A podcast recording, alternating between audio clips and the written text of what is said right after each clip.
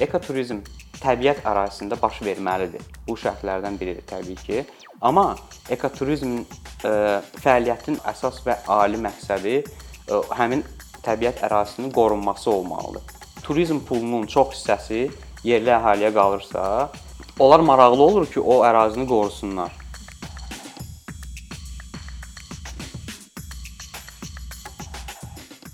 Bu gün sizdən ekoturizm haqqında danışacağıq Hı -hı. və birinci sualım bundan ibarətdir ki, ümumiyyətlə ekoturizm nədir? Hı -hı. Nəyə görə vacibdir və onu təbiət turizmindən fərqləndirən nədir? Hı -hı. Deməli, turizm ümumiyyətlə dünyada belə deyək də inkişaf eləmiş dünyada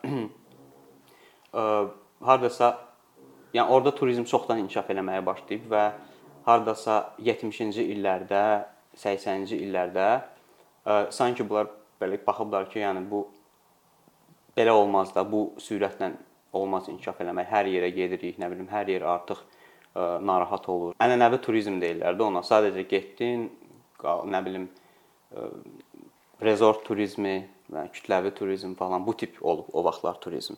Sonra bəzi ə, turizm ekspertləri və turizm araşdırmaçıları bunun belə davam etməyəcəyini elə bir fərqinə varıblar ki, yəni belə davam etməməlidir bu və e, alternativ turizm növlərini təklif etməyə başlayıblar e, və ekoturizm bunlardan biridir. Yəni alternativ deyiləndə nə nəzərdə tutulur? Kütləvi turizmə, ənənəvi turizmə alternativ.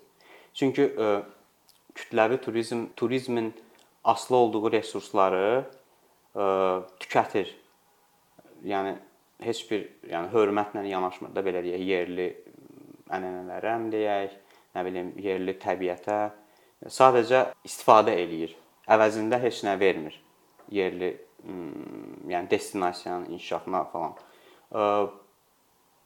Deməli ekoturizm o vaxtlarda başlayıb yaranmağa termin termin kimi, yəni artıq ekotur adlandırıblar bu turizm növünü. Ekoturizm sözü indi elə bir mərhələdəyik ki, təbiət turizmi ilə məşğul olanlar hamısı elə bil özünü ekoturizmlə məşğul olan kimi təqdim edirlər hansı ki yanlışdır tamamilə. Çünki təbiət turizmi turizmin harda baş verdiyini göstərir. Yəni sən təbiətə tur eləyirsənsə, təbiət ərazisinə sən sən təbiət turizmindən məşğul olursan. Amma bu demək deyil ki, sən ekoturizmlə məşğul olursan. Çünki ekoturizmin fundamental belə deyək də prinsipləri odur ki, bu turizm nəticəsində təbiət qorunmalıdır və bu təbiətin qorunmağına müxtəlif elə bil ə, vasitələrlə ə, ə, çatmaq olar.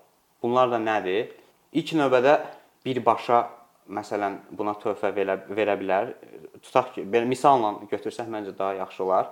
Hansısa tur operatorudur, təbiət ərazisinə turlar eləyir və ya milli parka falan və elə bir gəlirinin böyük bir hissəsini həmin ərazilərin qorunmasına ianə eləyir və ya başqa bir fəaliyyətlə məşğul olur ki, hansı ki o elə burdan əldə etdiyi gəliri bu axı ərazini istifadə eləyir də, buranı resurs kimi istifadə eləyir, burdan pul qazanır. O pulu elə bil geri qaytarmalıdır əraziyə. Şəxsən mənim, mənim fikrimcə, yəni önəmli amillərdən biri burada yerli ə, əhalidir. Yerli əhalinin turizmə cəlb olunması. Ə, burada da yenə ə, bəzən ə, anlaşmamazlıq olur da elə bir ki, anlaşmamazlıq deyil, sadəcə nə deyək buna? Terminlərin ə, e, misinterpretasiyası da. Yəni hə, tutaq ki, ə, e, hansısa böyük ə, e, şirkət və ya hansısa böyük otel gəlir, ə, tutaq ki, otel tikir hardasa və deyir ki, hə biz yerli yerliləri cəlb elədik turizmə. Necə cəlb elədik? Sən oteldə işləyirlər. Yəni bu cəlb eləmək deyil. Yerliləri cəlb eləmək o deməkdir ki, yerlilər yerli əhali turizmin planlamasında, lap əvvəldən planlamasında və sonrakı etaplarda idarə etməsində iştirak etməlidir. Yəni e, söz sahibi olmalıdır. Cəlb eləmək deyəndə yəni bu nəzərdə tutulur. Turizm araşdırma ədəbiyyatında iki elə bil iki yerə ayrılır da burada da fikirlər. E, biri deyir ki, bir tərəf deyir ki, e, təbiət turizmi bütün təbiət resurslarını əgər sən istifadə hansısa hər hansısa təbiət resursundan istifadə edirsənsə, bu təbiət turizmi sayıla bilər bəlkə də. Məsələn, burada artıq tutaq ki, içiməllik turizmi də daxil olunur da, bu da təbiət resursudur. Amma daha çox konsensus olan fikir odur ki, Yox, bu deyil də. Təbiət ərazisi deyəndə nisbətən inkişaf etməmiş təbiət ərazisindən söhbət gedir. İnkişaf etməmiş deyəndə, yəni m, infrastruktur baxımından da, yəni insan ə, təsirinə az məruz qalmış təbiət ərazisindən söhbət gedir. Ə, milli parklar, falan qoruqlar, nə bilim, vəhşi təbiət izləmək üçün olan yerlər, bunlardır. Bunlar təbiət turizmi adlanmalıdır. Ekoturizm isə nədir? Ekoturizm təbiət ərazisində baş verməlidir. Bu şərtlərdən biridir təbii ki. Amma ekoturizmin fəaliyyətin elə bil əsas məqsədi və əsas və ali məqsədi həmin o həmin təbiət ərazisinin qorunması olmalıdır. Bu bir komponent. Sonra kiçik ölçülü olmalıdır. Yəni böyük ölçülü ola bilməz ekoturizm. Ki burada da nədir? Yəni səbəb nədir? Yerli əhalini bir növ belə deyək də bezdirməməlidir turizm. Yəni çox adam balaca bir yerə gələndə yerli əhali artıq yəni narahat olmağa başlayır. Həm də və yerli əhalinin cəlb olunması məsələsi nəyə görə önəmlidir? Yerli əhali turizmlə Yəni bu ərazi, bunlar həmişə burada yaşayıblar da. Yəni bunlar təbiətlə belə deyək, balansda yaşayıblar illər boyu və indi bunlar üçün təbiət çox öyrətdikləri bir şeydir. Məsələn, hansısa tutaq ki, heyvan ola bilər, nadir heyvan ola bilər falan, amma bunlar üçün o sadəcə bir heyvandır da bu ərazidə yaşayan. Bəlkə də onlar üçün nə bilim rəqibdir, çünki onların mal-qarasına hücum eləyir falan. Ona görə yerli əhali turizmlə pul qazanmağa başlamalıdır. Artıq Əgər e, bu yerli təbii resurslar, istər nə bilim e, vəhşi heyvanlar olsun və ya təbiət olsun, hansısa təbiət e, abidəsi deyək də, şəlalədir, göldür, nə bilim. Əgər bu bunlar yerli əhaliyə pul gətirməyə başlayırsa, yəni burada da yenə anlaşmamazlıq olmasın deyə pul, yəni turizm pulunun çox hissəsi yerli əhaliyə qalırsa, onlar maraqlı olur ki, o ərazini qorusunlar. Buna görə bu önəmlidir. Bu deyərdim, yəni əsas komponent, əsas, yəni bu fundamental komponentlər bunlardır. Sonra məsələn etik məsələlər var, tutaq ki, planlamada etik olmalıdır ekoturizm. Bizim kontekstdə bu çox da aktual deyil. Çünki bizdə burada əsasən vəhşi heyvanlarla davranış qaydalarından falan söhbət gedir. Məsələn, onların tutaq ki, dünyada vəhşi heyvanları izləmə turizmi var. Orda heyvanların saxlama şəraitindən söhbət gedir. Və ya tutaq ki, dağçılıqda bəzi yerlərdə heyvanlardan istifadə olunur daşıyıcı vasitə kimi. O heyvanların saxlanma şəraiti belə bu kimi şeylərdən nəzərdə tutulur etik olması demək.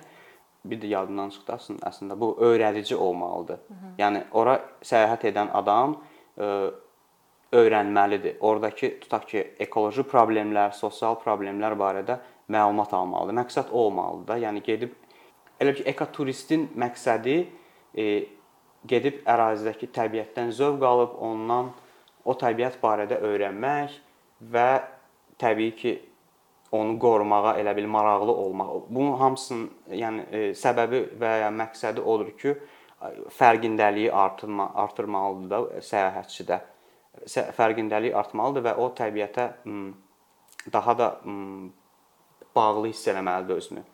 Yəni bu əslində mənə gəlir maraqlı bir mövzudur. Ona görə ki, insanlar hansı ki ekoturizm artıq maraqlanırlar, onlar bu şansdan əldə edə bilərlər, bu şansı şansdan istifadə edə bilərlər. Bəs ekoturizmlə bağlı maarifləndirmə necə getməlidir ki, insanlar ümumiyyətlə təbiət turizmi ilə və turizmin digər növlərini ekoturizmi fərqləndirə bilsinlər və onu anlasınlar? Hı yəni birinci belə deyək də daha böyük şəkilə baxsaq, təbii ki, məsələn biz indi danışırıq, bu yaxşı bir şeydir də, yəni insanlar baxıb məlumatlana bilirlər.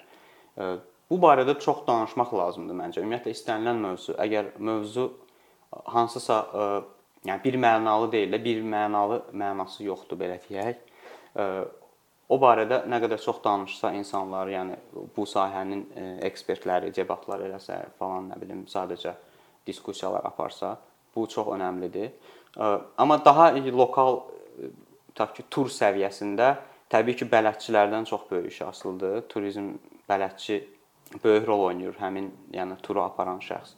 O təbii ki, məlumat verməlidir, problemlərdən danışmalıdır. Yəni gedib gedib əylənmək yaxşıdır, gedib əylənmək okeydir, amma ə, bilmək lazımdır ki, yəni bu bunlar hamısı tükənir də bu resurslar. Bunları biz gedib istifadə eləyirik. Yəni gəlirik, yaxşı vaxt keçiririk. Yaxşı olar ki, həm də qoruyaq ki, yəni gələcəkdə də bu olsun, həmişə orada olsun. Gələcək nəsillər də belə deyək, faydalana bilsinlər. Hı -hı. Əslində yerli sakinlərə kömək dedikdə mən istəyirəm bu mövzunu biraz daha açaq. Hı -hı. Çünki bu olduqca önəmlidir və ə, bunu açaraq daha necə şaxələndirə bilərik ki, həm də bu cürə yerli sakinlərə kömək və ya yerli sakinlərdən əlavə həmin o ə, sizin dediyiniz kimi əraziyə kömək etmək olar. Hı. Orda yaşayan insanlara. Burada hə, dediyim kimi də, yəni ümumiyyətlə ekoturizmin məqsədi olmalıdır ki, yerli əhalini belə deyək də empowerment sözü var. Gücləndirmək. Gücləndirmək. Amma elə güc fiziki gücləndirmək yox da təbii ki, söz sahibi eləmək də belə deyək. Bunun üçün də nə lazımdır? Yerli əhali turizmin planlanmasında iştirak eləməlidir. Yəni qərarı onlar verməlidir. Onlar qərar verməlidirlər, onlar nə istəyirlər. Çünki bura bunların ərazisidir. Yəni bunlar burada yaşayırlar. İnvaziv olmamalıdır. Yəni yerli əhalilərlə əhalidən ümumiyyətlə soruşan yoxdur heç nədə. Elə bil gəlirsən, bir dənə məsələn otel tikirsən, hansısa böyük biznesmen və ya biznes şirkəti, otel e, şəbəkəsi gəlir, e, nə bilim bir ərazini alır, nə bilim nə edir, yerli əhaliyə tamam okey də pul verir falan, amma o çox önəmsiz bir şeylərdir uzun müddətdə baxanda. E, və elə bil yerli yerli adamlar özləri qərar verməlidirlər. Bunlar nə istəyirlər? Bunlar hansı turizm növünü inkişaf elətdirmək istəyirlər? Hansı elə bil təbii şəkildə burada aktual ola bilər. Hmm. Bu önəmlidir və nəticədə yəni onlar bir növ ə, sahibkara çevrilirlər də. Artıq bunların həm ə, idarə etmə bacarıqları artır. Ə, bu kimi şeylər və və turizmin dediyim kimi, yəni gəlirləri əsasən orada qalır, destinasiyada qalır. Hı -hı. Turizmin ümumiyyətlə problemlərindən biri e, budur. Yəni pulun e, turizm pulunun turizmin baş verdiyi yerdə qalmaması problemlər problemlər yaradır. E, çünki turizm turizm maraqlı ümumiyyətlə bir şeydir də. Yəni turizm eksport növ növü sayılır. Amma sən bu eksportu əldə etmək üçün həmin yerə gəlməlisən. Yəni digər bütün digər eksport növlərindən fərqi budur. Və sən gələndə ora oranı istifadə edirsən də bu resursdur. Sənin üçün elə bir gəlib oranı istifadə edirsən və pul da orada qalmayanda, orada oranı tərk edəndə, yəni oranın inkişafına töhfə vermir turist. Sadəcə elə bil oranı davamlı istifadə eləməyə, istifadə eləməyə davam edirsən və nəticədə bu yəni oranın pisləşməsinə də, dağılmasına, amma deyək təbii gözəlliyini itirməsinə e, itirməsinə gətirib çıxardır. Hı -hı. Turizm məsələsinə baxanda, eyni zamanda ekoturizm mövzusuna baxanda Azərbaycan nümunəsində biz ə, e, necə nümunələr verə bilərik, nələrə toxuna bilərik? Məsəl üçün biz indi görürük ki, rayonlara, kəndlərə, müəyyən regionlara Hı. turist tur axınları, yəni hədsiz dərəcədə çox Hı. turlar var. Ə, onları necə daha ə, sərfəli, daha insanlar üçün, təbiət üçün daha ə, yararlı etmək olar? Yəni biz nəyə əsasən bu belə şeyləri e, belə deyə də öyrənə bilərik. Digər misallardan öyrənə bilərik də. Yəni hmm, inkişaf eləmiş ölkələrin təcrübəsindən. Çünki onlar elə bil bu prosesi bir, nə bilim, neçə 10 illik boyu keçib gəliblər. Yəni onlarda da zaten belə olub. Onlar birbaşa belə eco-friendly olmayıblar. Onlar da birinci dağıdıb təbiəti və sonra elə bir bir, bir anda fərqinə varıblar ki, daha dağıda bilmirik də, daha getməyə yer də qalmayıb ki, hara insan təsiri yoxdur. Ona görə başlayıblar bu sertifikatlar, sertifikatlaşdırma orta, ortaya çıxıb. İndi çox inkişaf eləmiş ölkələrdə necədir?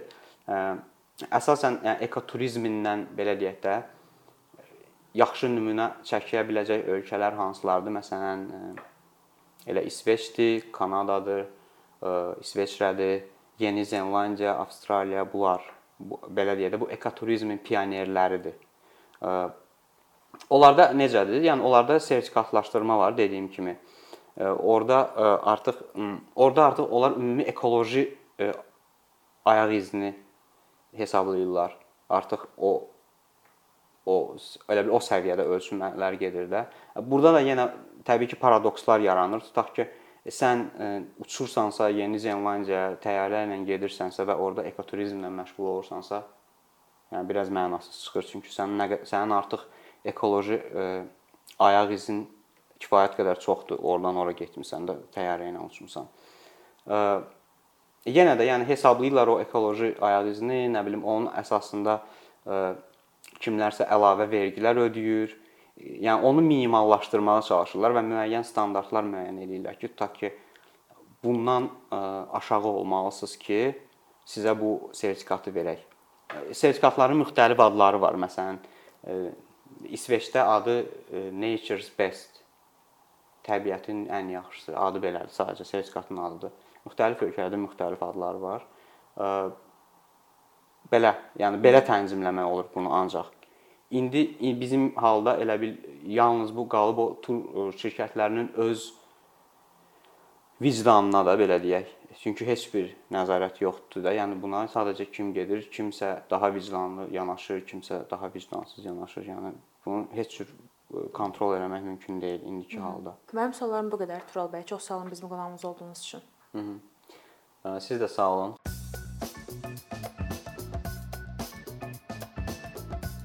Bir neçə ildir ki, əkinçi olaraq azərbaycanlı izləyicilərin hər zaman faydalana biləcəyi keyfiyyətli və ən əsas ödənişsiz kontent hazırlamağa çalışırıq. İndiyədək təqdim etdiyimiz onlarla animasiya və yüzlərlə çəkilişlər tələbələrin, mütəxəssislərin, müəllimlərin və ümumiyyətlə yeni mövzulardan xəbərdar olmaq istəyən çox sayda insanın marağına səbəb olub.